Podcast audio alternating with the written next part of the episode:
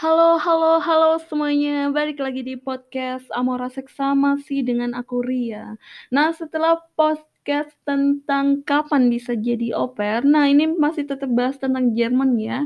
Ini kali ini kita masuk ke pembahasan tentang di mana aja kita orang Indonesia bisa jadi pair.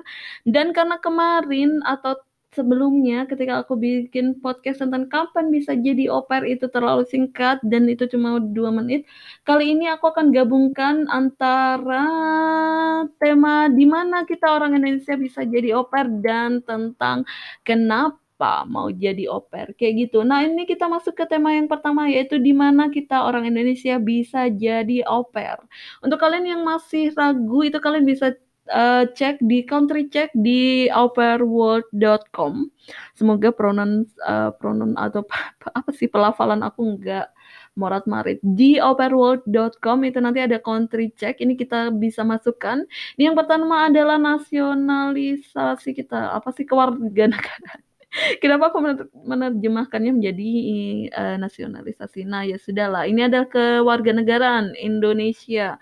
Usia kita masukkan aja 26 begitu ya. 26 merit, nikah belum enggak.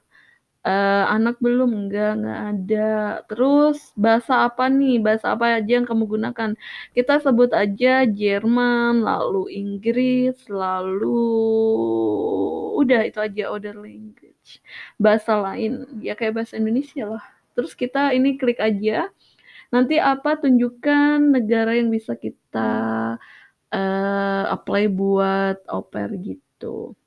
Nah di sini ada contohnya Amerika, Australia, Austria, Belgia, Denmark, Finlandia, Perancis, Jerman, Iceland, Irland, Italia, terus Liechtenstein, Liechtenstein, aduh, Luxembourg, Belanda, Norwegia, uh, Spanyol, Swedia, Swiss, kayak gitu. Jadi dari negara Eropa dan benua lainnya, negara Eropa, benua Eropa dan benua lainnya itu ada. Nah ini kan lihat harus hati-hati dengan negara Amerika dan Australia.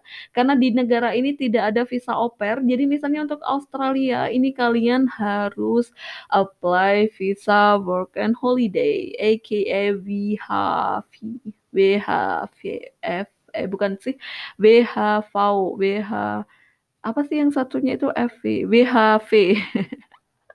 Aduh, kenapa aku ngaco banget. Nah, untuk uh, Amerika ini, ini ada visa pair dan bisa orang Indonesia uh, au pair di Amerika. Tapi kalian harus hati-hati karena kalian nggak bisa apply sendiri. Kalian harus lewat agen. Dan di Amerika itu untuk agen pair cuma ada 9, kalau nggak 8. Nanti kalian bisa cek websitenya sendiri untuk kalau misalnya kalian bener-bener mau di mau ke Amerika untuk jadi pair kayak gitu. Nanti kalian tinggal kontak dari uh, 9 agen tersebut apakah bisa untuk untuk memproses kalian menjadi pair di Amerika kayak gitu. Dan kalau untuk negara-negara lain kayak Austria, Belgia, Denmark, Jerman, Perancis, terus Italia, Spanyol itu kalian uh, Belanda itu kalian benar-benar bisa mandiri, kalian bisa apply sendiri atau kalian bisa juga pakai agen. Tapi saranku sebagai mantan au pair ya, sebagai mantan au pair dua kali, satu tahun di Jerman, satu tahun di Austria, uh, lebih baik mandiri aja deh. Nanti untuk kenapa-kenapanya akan ada di podcast yang bahas antara au pair mau, mau lewat agen atau mandiri kayak gitu. ah, kenapa aku seperti ini? Jadi seperti itu ya. Uh, dan ini harus hati-hati kalian ya. Untuk orang Indonesia itu tidak bisa mengajukan visa pair ke Inggris. Kenapa aku bilang ini harus hati-hati banget karena itu banyak banget spam. Jadi kayak kayak tiba-tiba kalian dapat email aja gitu dari gas family atau host family dari uh, Inggris yang menawarkan semua kayak nanti gaji kalian gini, kerja kalian begini yang too good to be true gitu. Kayak terlalu bagus untuk jadi kenyataan karena ya emang itu bukan kenyataan kayak itu spam aja. Ke ternyata yang kirim kalian itu orang-orang dari kayak uh, negara lain yang jauh di sana yang emang uh, sukanya bikin spam kayak gitu. Atau uh, apa ya apa sih selain spam itu namanya kayak, eee, kayak mau penipuan gitu, sudah masuk dalam kadar penipuan. Dan ini ya, ini kenapa sih aku harus bilang kalian harus bener bener-bener hati-hati tentang Inggris ini. Kadang gitu ada orang posting kita udah kasih tahu ya, ke Inggris itu orang, eee, orang Indonesia itu nggak bisa pair di Inggris, itu nanti masih banyak, eee, tapi kan bla bla bla. Jadi kadang orang kita itu udah dikasih tahu yang bener apa, itu masih ngeyel gitu. Tapi nanti kalau terakhirnya ada kejadian misalnya ternyata dia diminta sama si, eee, host family-nya itu untuk transfer duit Kak, untuk memproses dokumen bla bla bla. Terus pada akhirnya duit itu nggak kembali, nggak tahu ke mana, nggak tahu, eee, berakhir di mana juga, itu nanti baru nangis-nangis atau merasa menyesal. Jadi aduh tolong deh jauhi Inggris gitu.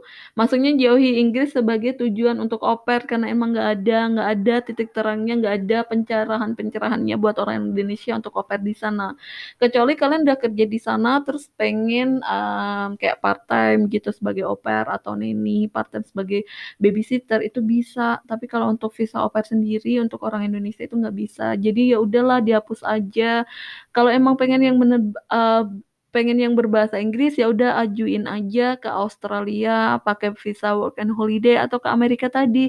Emang ribet, tapi kalau emang maunya kalian ke host family yang berbahasa Inggris atau ke negara-negara yang emang negara ibunya bahasa Inggris, ya udah gitu. Kayak kenapa ya kadang kita itu maunya tuh semuanya serba simpel, pengennya banyak tapi semuanya pengen serba simpel, serba instan kayak gitu, ya nggak ada.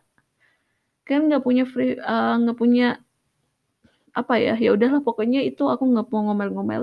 Nah kita lanjut aja kayak Jerman, Austria, Belanda, itu negara-negara atau tempat-tempat yang banyak tujuannya, eee, banyak dituju oleh orang Indonesia. Mau tahu yang paling banyak di mana? Di Belanda, habis itu di Jerman, habis satu di Australia eee, di Australia, di Austria ya, di Austria bukan Australia.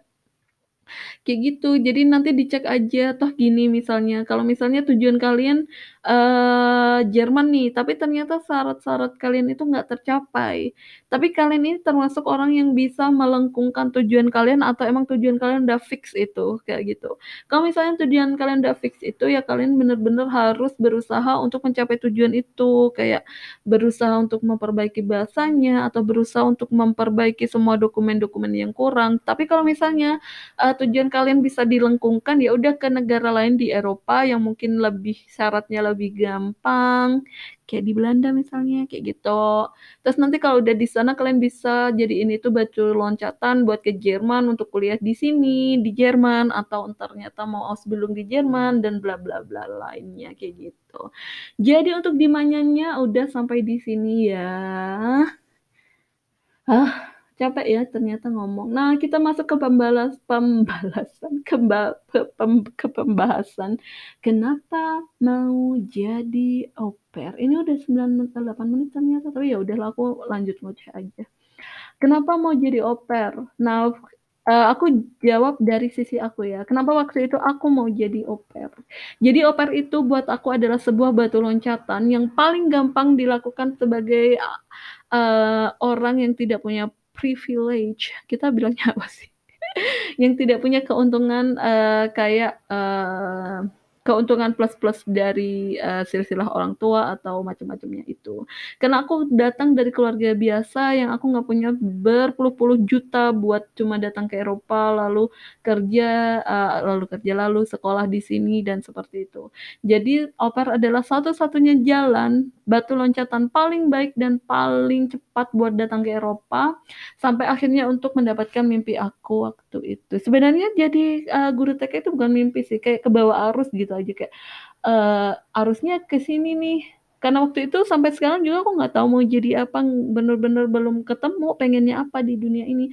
Tapi sampai sekarang enjoy sih dengan kehidupan aku, jadi ya sudahlah, ini arus yang benar dan berfaedah, bermanfaat, kayak gitu. Lalu kenapa kita balik lagi tentang kenapa pair ya, selain sebagai batu loncatan tadi, pair ini juga bisa bantu kalian untuk memperbaiki bahasa kalian. Bahasa apa? Ya bahasa yang kalian gunakan di negara tersebut. Kayak misalnya Jerman gini, tujuan kalian, kalian mau nih, aku mau kuliah nih di Jerman. Tapi di Jerman itu, eee, kuliah yang menyediakan bahasa pengantar bahasa Inggris itu nggak semua, jarang banget gitu. Ada, tapi tapi kayak susah gitu dicarinya. Kayak dicari maksudnya gini, kayak jurusannya itu susah gitu. Dan kalaupun ada itu nanti tetap ada beberapa mata kuliah yang pakai bahasa Jerman. Jadi mau nggak mau mau mau nggak mau kalian juga harus bisa berbahasa Jerman. Apalagi untuk hidup di sini itu juga harus berbahasa Jerman kayak gitu dan itu nanti bisa kalian perbaiki apalagi kalau kalian tinggal dengan uh, keluarga yang benar-benar berbicara bahasa Jerman ya. Dan karena sistem sehari-hari kegiatan kalian sehari-hari nanti sehari-hari itu berbicara bahasa Jerman nanti bisa membantu banget serius banget. Terus uh, kenapa alasan selanjutnya adalah karena bisa traveling keliling Eropa? Kalau tujuan kalian Eropa ya.